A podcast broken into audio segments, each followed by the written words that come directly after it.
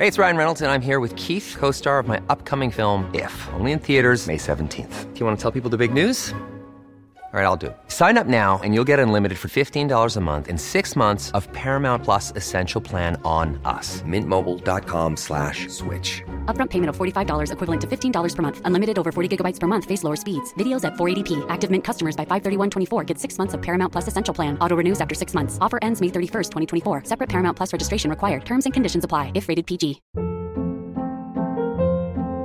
Hold up. What was that? Boring. No flavor. That was as bad as those leftovers you ate all week. Kiki Palmer here, and it's time to say hello to something fresh and guilt-free. Hello Fresh. Jazz up dinner with pecan-crusted chicken or garlic butter shrimp scampi. Now that's music to my mouth. Hello Fresh. Let's get this dinner party started. Discover all the delicious possibilities at hellofresh.com.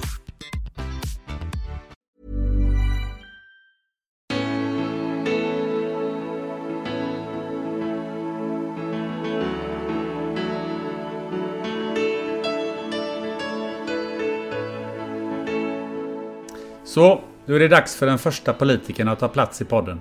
Och det, det är ingen mindre än David Lega. KDs toppnamn i EU-valet som är om några dagar när det här avsnittet släpps. Ha, tänker du. Är Gunnar kristdemokrat? Och varför intervjuar han inte kandidaterna från de andra partierna i så fall?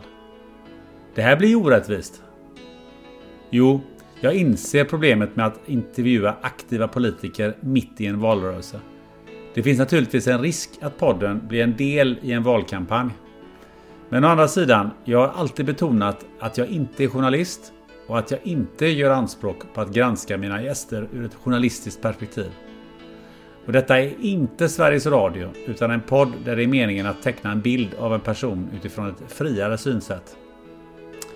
Samtidigt så vill jag ju säga att min förståelse och respekt för journalistyrket och den situationen journalisten befinner sig i har ökat markant. Jag hade ändå förmånen att få nästan 40 minuter med David Lega mitt i en brinnande valspurt. Det finns faktiskt journalister som inte ens fått halva den tiden. Ändå så tyckte jag att det var alldeles för kort och att jag inte fick ut det jag ville. Ja, sådär ja. Det var ett långt intro. Men nu kör vi tycker jag. Född med svår funktionsnedsättning blev flerfaldig VM-medaljör och OS-deltagare i simning med ett antal världsrekord som faktiskt fortfarande står sig. Eh, bytte idrott mot att jobba med inspirerande föreläsningar. Blev kommunalråd i Göteborg och är nu toppkandidat för EU-valet för eh, Kristdemokraterna. Eh, välkommen till podden Spännande möten David Lega. Tack så mycket. Eh, du, när man kollar i din meritlista så känns ju den här presentationen lite rumphuggen sådär. För det finns ju oerhört mycket mer att ta i. Tycker är det någonting som du tycker att det där skulle jag liksom vilja tillfoga i det som jag sa alldeles nyss? Oj, nej, nej, jag tycker den var bra. Alltså, bakgrund är ju bakgrund. Det man gjort innan har man ju med sig. Ja. Men det intressanta är ju mer framåt ändå, ja. tycker jag. Så att ja. Det, det finns en sån här gammal talarbild, du vet när folk är mentala tränare och är ute och föreläst. Att man säger att backspegeln får inte vara större än vindrutan. Ja. Och det gäller nog även presentationen tycker jag. Ja. Det, det, är, det, är, en bra proportion med, ja. en liten backspegel. Ja, det var ett bra, bra ordspråk. Eh, nu, nu är jag lite sådär eh, spänd och, och, och, nervös för du är ju faktiskt den första politikern som jag har i podden här. Ja, men du ser hur ja, det är. Men jag är lugn nu för att jag fick ett fantastiskt fint mottagande här. Ja, vad skönt. Ja, ja, ja, det känns väldigt positivt. Eh, men jag är ju inte journalist. Hur pass van är du att bli intervjuad av människor som inte är journalister? Ehm, det är nog väldigt blandat. Alltså, det beror på vad man menar med intervjuad också, eller hur? Alltså, mm. En podd är ju en sak, en ja, tidning är en sak, men man får ju frågor varje dag på stan. Alltså ja. det är också en form av intervju. Vad tycker ja. du? Eller vad vill du? Eller hur kunde du simma? Eller vad det nu var. Alltså, Så att det samtalet har man ju hela tiden med folk. Vad frågar de på stan? Ehm, allt från varför är du så himla glad? till varför satsar du på en tågtunnel under Göteborg? Till eh, vad vill du göra i EU? Alltså det är väldigt, väldigt blandat hela tiden. Men det är ju det som gör det spännande också. Känns det bra att få alla de här frågorna på, när man är på stan? Ja, men det, det är ett liv man har valt också. Jag har ju valt att inte vara anonym. Jag tycker att går man in och eh, tycker saker och skriver och försöker på något sätt göra skillnad på det sättet. Då får man ju bli glad när folk engagerar sig och bryr sig. Jag har lite svårt för de som tycker att det är jobbigt att sen vara igenkänd. Då får man nog göra något annat. Ja, det är ju det är riktigt. Eh, det är ju EU-val snart eh, när det här spelas in. Så politik ska vi ju snacka om. Det är ju ett givet ämne. Eh, men vi har rätt begränsad tid så att det blir några ut, utvalda frågor. Så Kör hårt. Jag gör mitt bästa. Ja, det är bra. Och sen, men så tänkte jag börja lite grann med, med dig som person. För du har ju gjort en, en grym livsresa. Förstår du det själv? Um, ja, ibland kan man bli lite nostalgisk när man tänker på hur det var. Så jag satt och kollade nu på det här eh, TV4-programmet som går, Vinnarskallar. Mm. Med gamla paralympier och handikappidrottare mm. som eh, tävlar. Mm. Och de visar mycket bilder från deras barndom. Och de är ju min generation, de som är med nu. Och just när man ser gamla bilder från sjukhus och sjukgymnastik och träning. Och det blev lite känslosamt faktiskt att se, för man tänker att det är så långt från det livet jag lever idag. Tack vare att jag gjorde den träningen och tack vare att jag tränade upp min kropp så pass mycket som jag gjorde. Så pallar jag ju att leva ett ganska fritt liv från sjukvård och sjukgymnastik idag. Även om jag är för tjock, men det blir ju så när man lägger av. ja, men det är du ju inte ensam om. Nej, men det är ingen ursäkt. Eh, men äh, är, tycker du att det här är ett bevis på att alla kan bara de vill? Eller hur, hur, hur ska man se dig som förebild? Nej, jag tänker mer så här att alla har någon inneboende kraft och kan göra mer än vad man själva tror. Men man ser ju också att det behövs stöd utifrån också. Hade jag inte fått peppning, hade inte jag fått pushning, hjälp av sjukgymnaster, lärare, tränare, föräldrar och alla de runt omkring så hade det inte hjälpt hur mycket drivkraft jag själv har. Så att jag, jag tror inte på det där du är otrolig grejen, du är fantastisk. Det, det är mer, det är tack vare att alla runt omkring mig har gjort rätt. Men är det lite en, en förmåga som duktiga chefer också har att umge sig med rätt människor som faktiskt hjälper en? Jag hade tur. Jag var barn eh, när jag utvecklades på den tiden. Nu har jag ju möjligheten att välja mina, min stab och mina assistenter och så vidare. Men även i politiken och så vidare.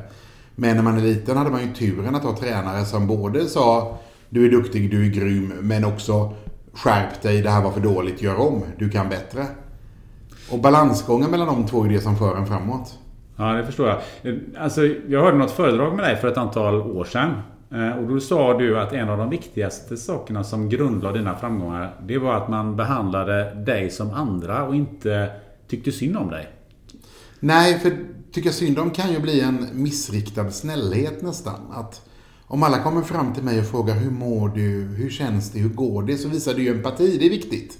Men det lär ju mig också som barn att något är fel. När jag egentligen inte vet varför jag borde vara ledsen. För att jag vet ju inte vad jag har missat. Och det är den balansgången. Hur, hur hjälper vi folk? Hjälper vi folk genom att... Ja men titta på alla nyanlända som kommer nu. När vi ser antingen bekymrade och oroliga ut eller till och med rädda när vi möter dem på stan. Istället för att möta folk med ett leende. För vi vet ju att folk mår bättre. Ja men så här.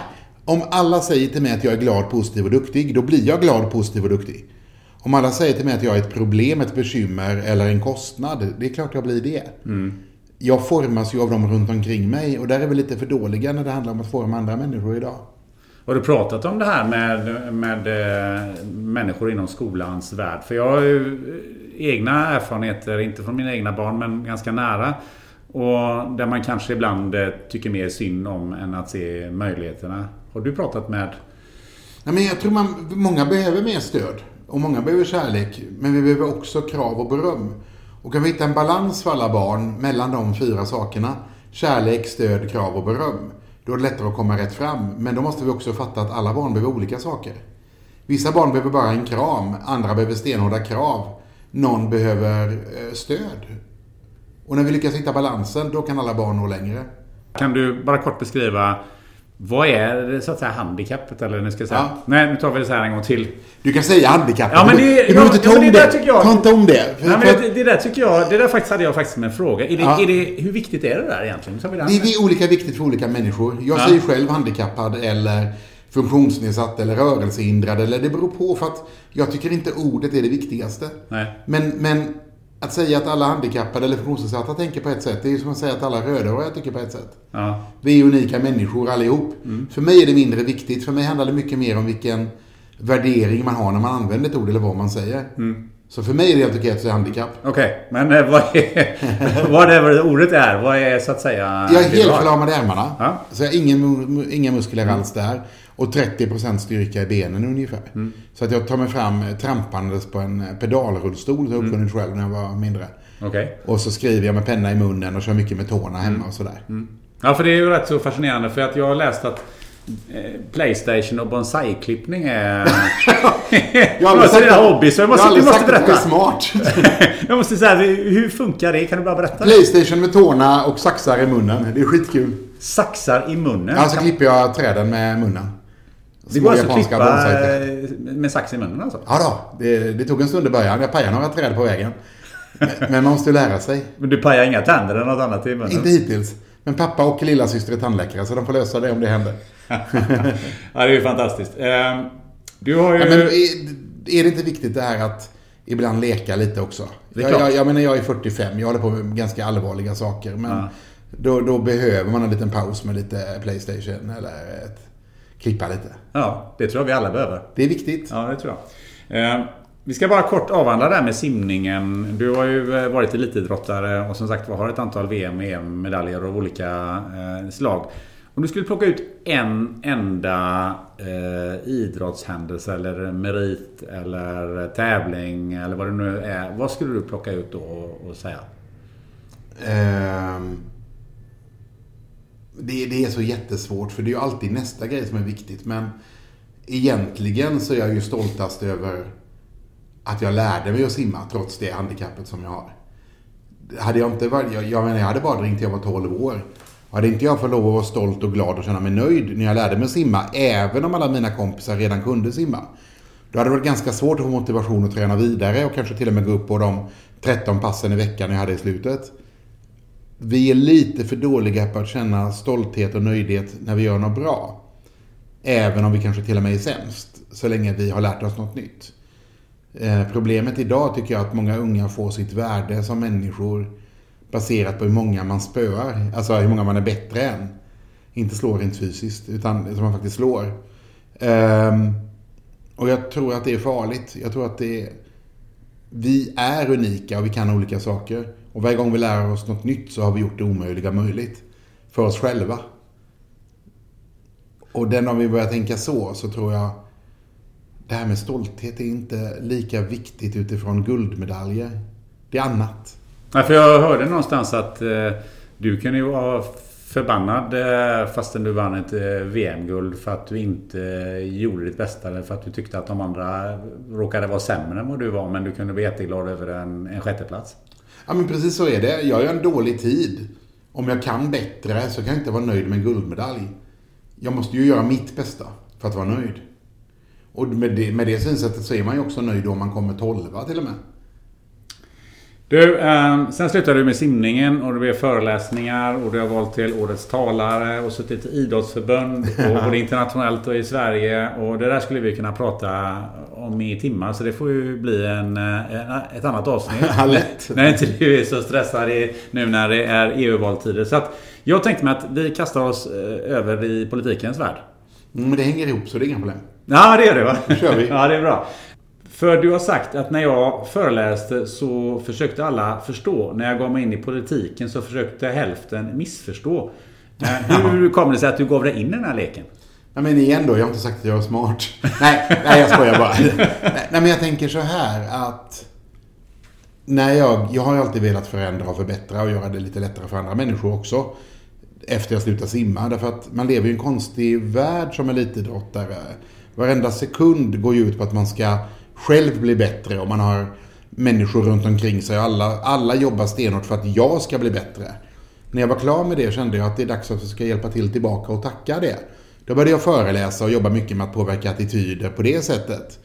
Och när jag sen då fick frågan om jag inte ville vara med och förändra system som politiker, då är det ju omöjligt att säga nej till. För att det är ju det man vill. Man vill ju förändra och göra det bättre. Så där fick jag in i politiken, trots att hälften vill missförstå mig. Men, men det är ju det. Idrotten och allt annat som, alltså, blev man intervjuad som idrottare så var det ju nästan, hur känns det? Den vanligaste frågan. Medan i politik som bygger på konflikt och bygger på debatt så blir ju allting mer ifrågasatt På gott och ont. Jag menar, vissa grejer förtjänar att bli ifrågasatta och förklarade, men på samma gång kanske man behöver tänka att i stort sett alla politiker i Sverige vill ju väl. Och det bör man ha med sig. Ja, för det känns ju lite så ibland eh, när eh, man klagar på att eh, ja, men, ni vill ju ungefär samma sak. Det är jättestort. Alltså det, ibland så ser man inte riktigt skillnaderna. Och kan det vara så att det är ju egentligen i grunden alla vill ju väl på något sätt? Jo, men jag tror att många av oss vill väl. Alla partier utom ett i riksdagen skulle säga vill ju att det ska bli bättre för alla. Sen kan vi bråka om vägen fram, men det är två olika saker. Mm. Och vi politiker kan väl vara bättre ibland på att inte bråka i onödan, men även media älskar ju att lyfta fram konflikten. Speciellt när forna kompisar bråkar, då ska det ju ut överallt. Mm. Ja, det är den där dramaturgin som man eh, gärna vill ha fram. Ja, och det är lite synd att man ibland tappar respekten för vad vi vill göra. Kan jag tycka. Och då blev det Kristdemokraterna. Ja. Vad funderar du på några andra partier? Nej, jag, utan jag, eh, jag träffade faktiskt Göran Hägglund på en idrottsgala.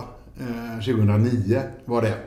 Januari 2009. Och då, då var han ju minister eller statsråd. Och när man träffar statsråd har man ju chansen att prata om allt som är fel i samhället. Så är det ju stackars Göran. Men eh, efter en eh, bra stund där så sa han du är kristdemokrat, man har ingen aning.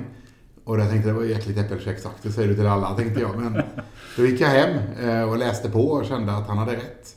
Så jag läste KDs principprogram och ideologi och så läste jag de andra partierna som kände att jag, jag är hemma i KD.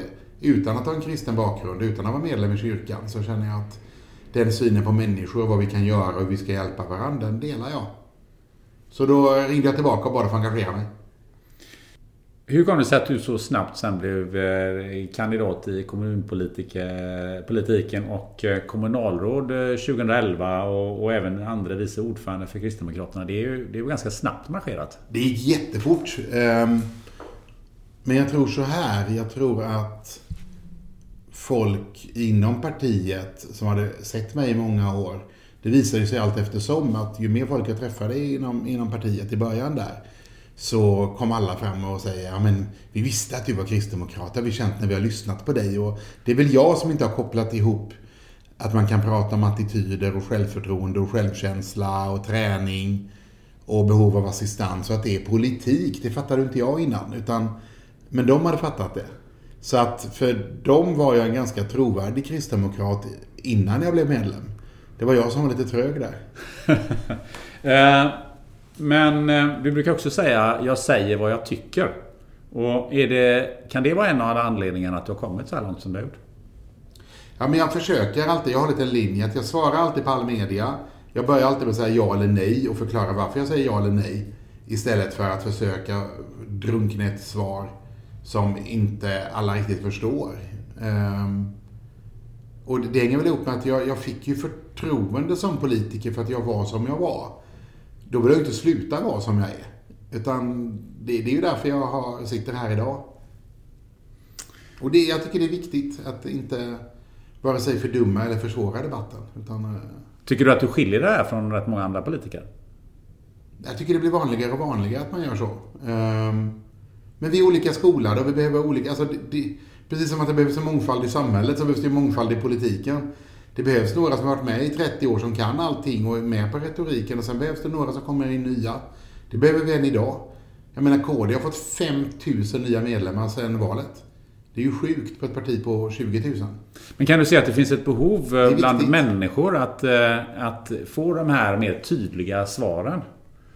Och inte de här eh, så kallade politikersvaren som man ja, kan säga. Ja, men det, det, tror jag. Jag tror det finns en frustration om man inte känner att man förstår eller att det blir för avancerat eller att någon väljer att inte svara. Eh, men det vet vi, vi var ett litet parti. Nu är vi ju större, nu ligger vi på 11-12 procent, men eh, när, när jag var med i början där så hade vi ju 3-4 procent här i Göteborg. Och jag tänker det är bättre att jag säger vad jag tycker och om, om 50 procent inte håller med mig så är det ändå 50 procent som gör. Och 50 procent är bra mycket mer än 4 procent. Ja, det finns en logik i det. Eh, nu är du tillsammans med Sara Skyttedal då toppkandidat i, för KD i mm. EU-valet. Eh, och hur kom det sig att du eh, gav dig in i Europapolitiken? Var, var, det no, var det någonting som du kände att ja, men i kommunpolitiken så är jag nöjd nu, nu vill jag gå vidare? Eller vad, vad var orsaken?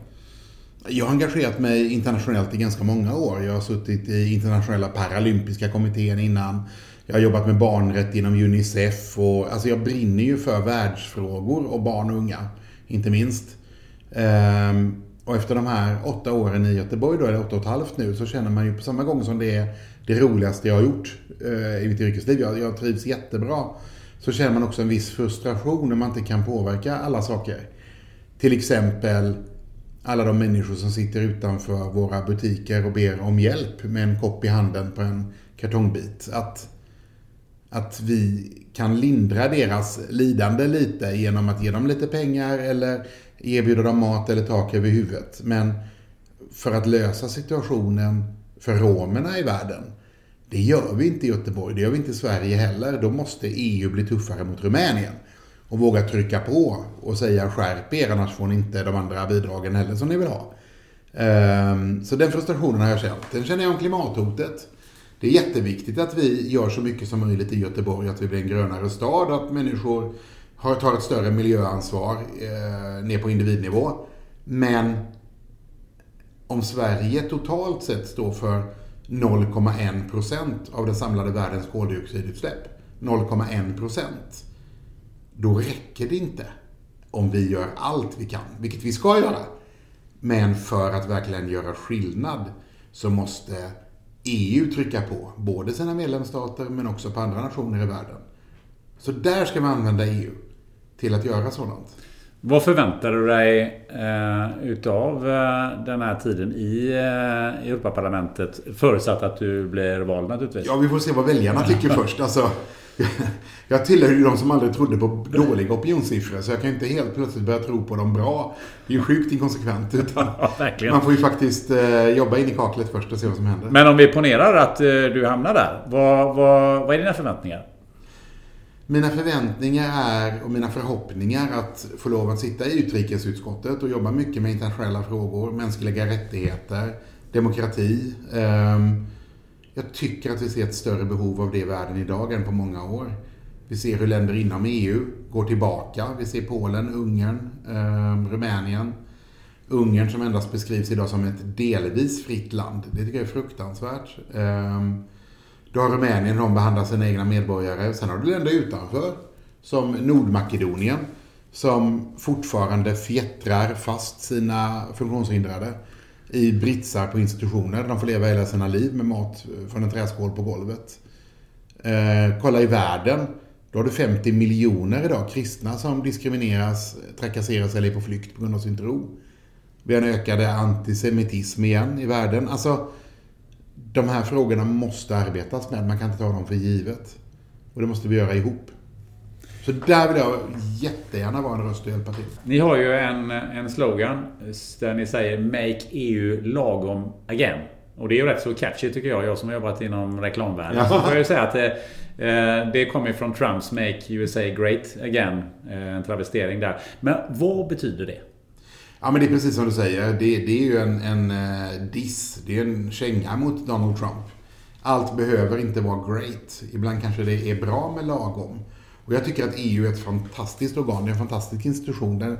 Det skapades ju för att garantera fred inom Europa efter andra världskriget.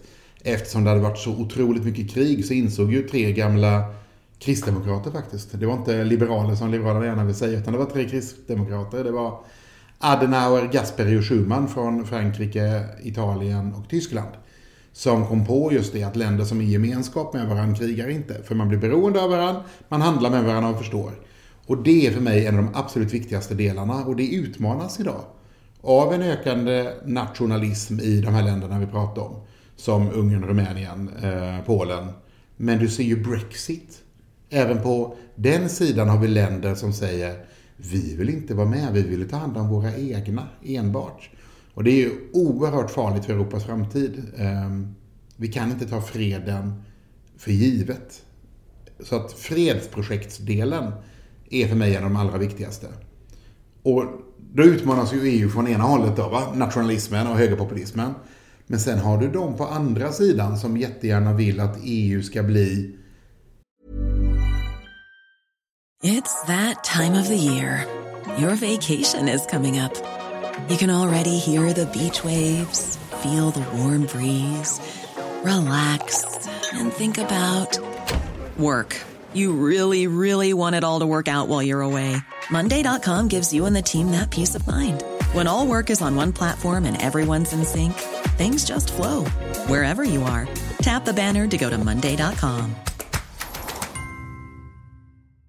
Many of us have those stubborn pounds that seem impossible to lose, no matter how good we eat or how hard we work out. My solution is PlushCare. PlushCare is a leading telehealth provider with doctors who are there for you day and night to partner with you in your weight loss journey. They can prescribe FDA-approved weight loss medications like Wagovi and Zepbound for those who qualify. Plus, they accept most insurance plans. To get started, visit plushcare.com slash weight loss. That's plushcare.com slash weight loss.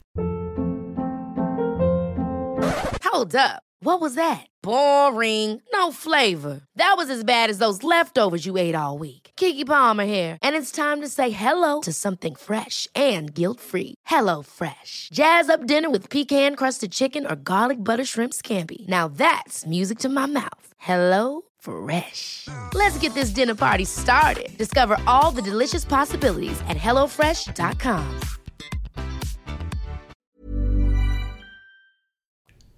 nästan en, en federal stat. Ett Europas förenta stater där Bryssel blir det nya Washington DC. Alltså att vi skapar en, en One Nation igen där.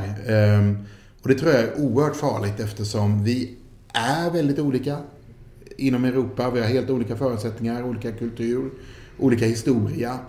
Ehm, att gå ihop och låta 750 politiker i Bryssel, även om jag blir en av dem, bestämma över hela Europas framtid. Det är inget jag vill se.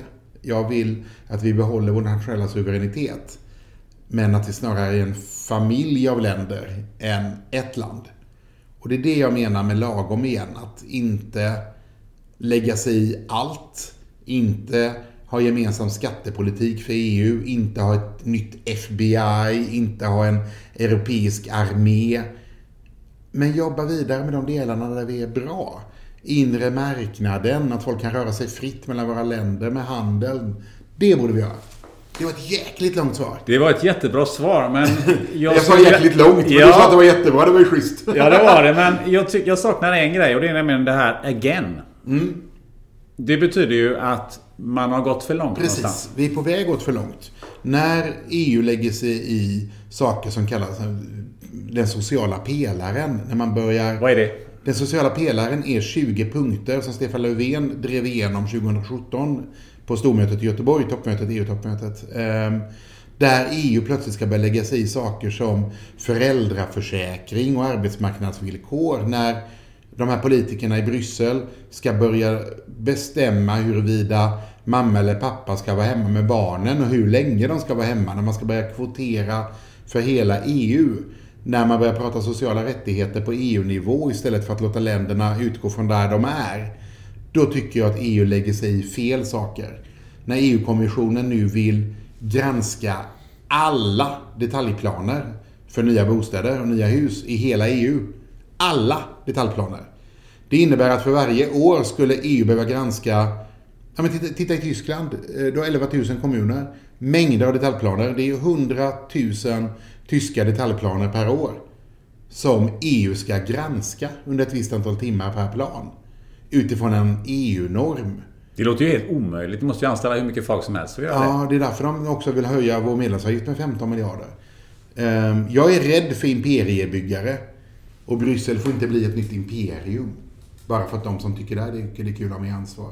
Men ni säger ju också att ni vill göra EU spetsigare samtidigt. Och det låter ju inte sådär jättelagom. Jo, men det är ju det som gör det spetsigt. Om man inte lägger energi och skjuter med hagelbussar på allt, utan mer pinpointar. Vi ska jobba med klimatet. Vi ska jobba med handeln. Vi ska jobba med mänskliga rättigheter. Då pinpointar man och gör det med maxenergi. Så att, att göra EU lagom betyder inte att jag kommer dit och jobbar lagom mycket. jag, Nej, det kommer, förstår jag. Jag kommer jobba jättemycket, men inte för alla frågor, utan för det som bör ligga på EU-nivå. Och det är lagom. Du har ju varit inne på det här med utrikesfrågorna och eh, också mm, på de här länderna som Rumänien och, och Ungern som, som ju det har diskuterats att eh, det ska eh, införas sanktioner mot eh, eh beroende på att de inte är, är demokratiska och så vidare. Ehm, allt det här du säger kan man sammanfatta i, det i att det har gått lite väl fort. Eh, jag vet inte om det har gått fort, men det har gått lite, vi har varit lite för fega på EU-nivå. Nej men det säger så här. Ja, men så här vad jag, förlåt. Ja. Men vad jag menar är, i unionen man har tre olika maktmedel man inte kan använda. Tre olika eh, påtryckningsmedel.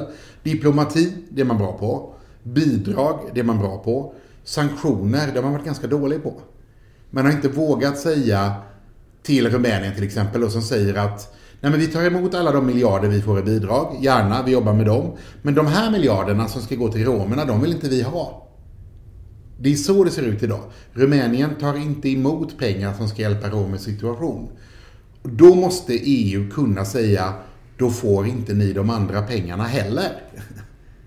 Men för att förtydliga lite grann. Eh, Så jag tycker inte det är för snabbt. Det är det jag menar. nej, men för, för att förtydliga lite grann. Eh, om vi just tar de här länderna då. Ungern, eh, Rumänien, Bulgarien, Polen, Tjeckien och så vidare. För 15 år sedan ungefär kom ju de med i EU. Och då ifrågasatte ju ingen det. Utan alla var jublade och man ville utöka EU eh, ännu mer. Och, och det var ganska starka krafter för det. Och då undrar jag så här.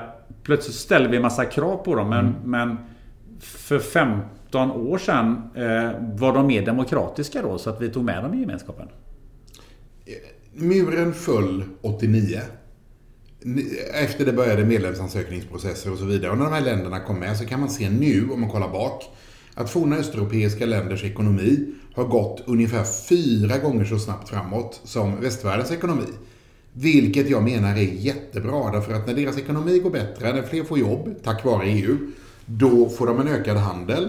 Eh, då fler personer hamnar i jobb. När de fler personer hamnar i jobb får de mer skatt och har råd med skola, omsorg och sjukvård. Så det steget behövdes. Men nu ser vi att vi måste också kräva annat av ett land som har vuxit så pass snabbt. Det man kunde kräva av dem för 20 år sedan var inte lika mycket som man kan kräva idag. Och ska vi nu fortsätta att pumpa in miljarder i de länderna från det som kallas strukturfonder, då måste man också se att det kommer till de som har det svårast och inte bara till medelklassen. Men det, Då har finns ju, EU misslyckats med sina bidrag. men det finns ju ett antal länder då som Albanien, Montenegro, du var inne på Nordmakedonien, Mm. Serbien, Turkiet. De, de står ju på den här kandidatlistan. Eh, Ja, men kolla på Nordmakedonien. Jag kommer att rösta nej till ett medlemskap. men de behöver ju också den utveck de utvecklingspengarna precis som, som Rumänien och Bulgarien och så vidare. Ja, och de får ju pengar bara som kandidatländer också. Men jag kommer att rösta nej till ett medlemskap från ett land som Nordmakedonien om de kedjar fast sina medborgare i britsar på institutioner. Det kommer jag att göra. Vi måste bli bättre på att kräva det redan nu. Men också kolla på Ungern då som säger vi ska inte ta emot en enda, en enda flykting. Då måste vi kunna säga, då får ni inga pengar.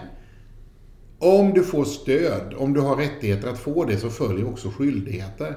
Och kan vi inte få en jämnare och långsiktigt hållbar fördelning av, av flyktingar, så att alla länder tar sin del av ansvaret, då drabbar ju det den fria rörligheten och det EU byggdes upp på. När vi måste ha temporära gränskontroller till Sverige, det är ju för att andra länder inte tar sitt ansvar. Och då måste EU kunna säga fine, men då får vi fundera på om ni kan vara med på de premisserna ni har. Så för att få det långsiktigt hållbart, om vi ska kunna ha den här fria rörligheten, åka utan pass, jobba överallt, då måste det gälla alla människor. Hur ser, du, hur ser du på ett land som Turkiet i det här sammanhanget? Det har ju varit mycket debatt om de ska få med i EU eller inte. Det är tyvärr dags att avsluta förhandlingarna med Turkiet. Avbryta dem. Det För att? inte. Därför att de upplever inte demokratiska grundprinciper. De har en lång väg att gå innan de är aktuella som kandidatland igen. Tyvärr.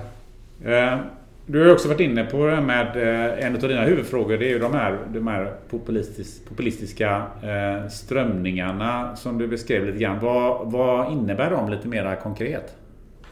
Alltså folk är förvånade över Brexit. Det har mycket, samtalats mycket om lögner och enkla felaktiga budskap under Brexit-kampanjen av de som slogs för ett utträde. Men på samma gång får man komma ihåg att under 10, 15, 20 år, varje gång någon har kritiserat EU i Storbritannien, någon politiker, så har de som egentligen tycker att EU är bra inte stått upp för EU. Därför att det var enklare att kamma hem röster genom att hålla tyst då och ducka den frågan. Vilket gör att kritikerna fick fritt spelrum och de som egentligen borde stått upp valde att inte stå upp för att inte tappa röster. Det är också en form av populism. Då kan man inte bli förvånad när Storbritannien röstar nej 20 år senare. När ingen stor erkänd politiker försvarar EU. Så att det krävs ju också att man tar sitt ansvar, att man inte alltid försöker hålla med alla. Det är också populism någonstans. Eh, när det gäller EU också här i Sverige så ser du att det är ju det som enar Sverigedemokraterna och Vänsterpartiet. Båda de två vill ju av olika skäl lämna unionen. Nu har de kommit fram till, eftersom Brexit har skrämt upp svenskar, så har de sagt att nej men vi vill nog inte lämna EU nu. Nu vill vi förändra EU inifrån istället. Men det de vill är ju att bryta isär EUs makt. Och det är också farligt. Det är också en form av populism från både Sverigedemokrater och Vänsterpartister. Som inte riktigt står för vad de lovar i det läget. Det är därför det är svårare att gå ut med ett budskap och säga vi tycker att EU ska vara rimligt. Det ska göra rätt saker. Det, det låter ju inte som en kioskvältare i förhållande med SD och vänsterns nej och liberalernas ja. Och det är därför vi var tvungna att försöka paketera det så att vi har någonting att prata om. Så folk förstår. Och då landade vi lagom. Därför att då förstår folk vad vi menar. Om vi sammanfattar det här då så skulle jag vilja veta den 26 maj Jamen. så är det här valet. Varför tycker du då att vi här i Sverige mangrant ska gå till valurnorna och rösta i det här valet? Därför att det är ett jätteviktigt val. Det är världens näst största demokratiska val med 400 miljoner väljare.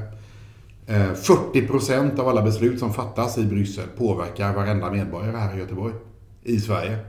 40 procent av alla beslut. Det är ett viktigt val. Det som gör det svårt, det är ju att det är så krångligt. Det är så många fonder, det är många direktiv, det är kommission och ministerråd och parlament och... Men gå då på ideologi, gå då på känsla. Vem håller vad de lovar? Hur ska man kunna skapa ett EU som är hållbart för framtiden? Men det, alltså om 51 procent röstar som de gjorde förra gången, då är varje röst värd dubbelt så mycket. Och det gör det extra viktigt att gå och rösta. Ehm, jag hoppas givetvis att man helst röstar på oss, men det är inte bara en rättighet att bo i en demokrati. Det är faktiskt också en skyldighet. Du säger att, de hoppas, att du hoppas att eh, de röstar på, på er. Ja, det är klart. Det är klart. Och då ska du få berätta varför ska man rösta på er och eh, i allmänhet och dig i synnerhet? Ja, men det är ju det vi har pratat om hela tiden nu. Jag, jag, jag har ingen hisspitch. Jag tycker det är... Hisspitch ja. är liksom, kan du sälja det under en hissresa? Men jag kommer inte på någon sån nu. Utan jag tänker mer att det är det som gör det svårt. Att om vi alltid ska sammanfatta allt i en hisspitch. Det här handlar inte om en Twitter. Jag vill inte förklara varför man ska rösta på mig på 140 tecken, för det går inte.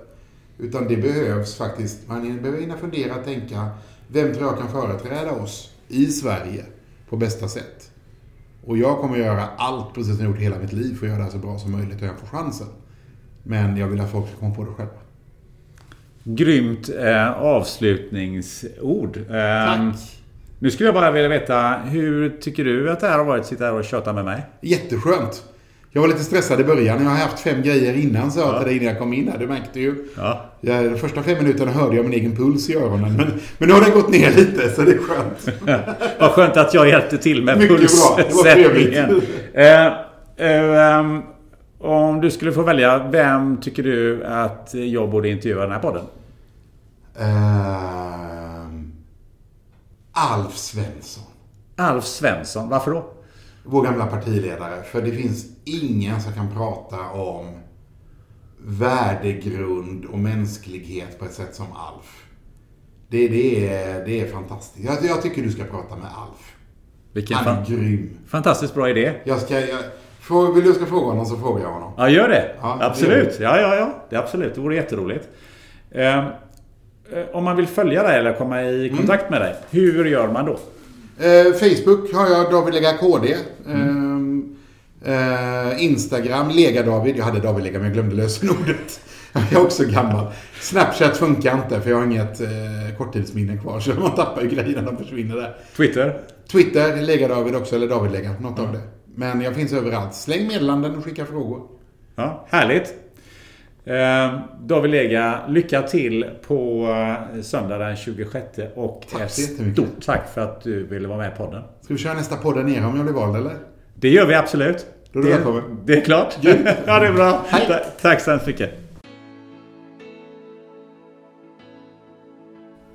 Nå, vad tyckte du om det här? Kommentera och diskutera gärna på poddens sociala medier. Själv tänker jag tre saker.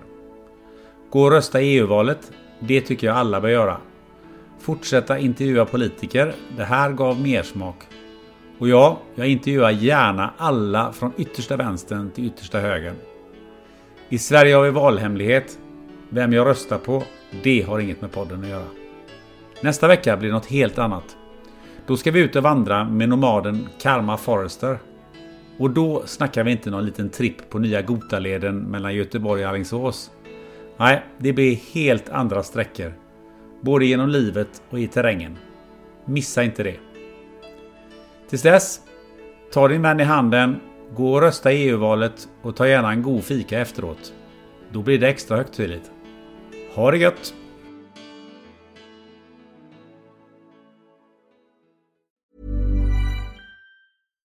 Hi, I'm Daniel, founder of Pretty Litter. Cats and cat owners deserve better than any old fashioned litter. That's why I teamed up with scientists and veterinarians to create Pretty Litter. Its innovative crystal formula has superior odor control and weighs up to 80% less than clay litter. Pretty Litter even monitors health by changing colors to help detect early signs of potential illness. It's the world's smartest kitty litter. Go to prettylitter.com and use code ACAST for 20% off your first order and a free cat toy. Terms and conditions apply. See site for details. Ever catch yourself eating the same flavorless dinner three days in a row? Dreaming of something better? Well, HelloFresh is your guilt-free dream come true, baby. It's me, Kiki Palmer. Let's wake up those taste buds with hot, juicy pecan-crusted chicken or garlic butter shrimp scampi. Mm. Hello Fresh. Stop dreaming of all the delicious possibilities and dig in at HelloFresh.com. Let's get this dinner party started.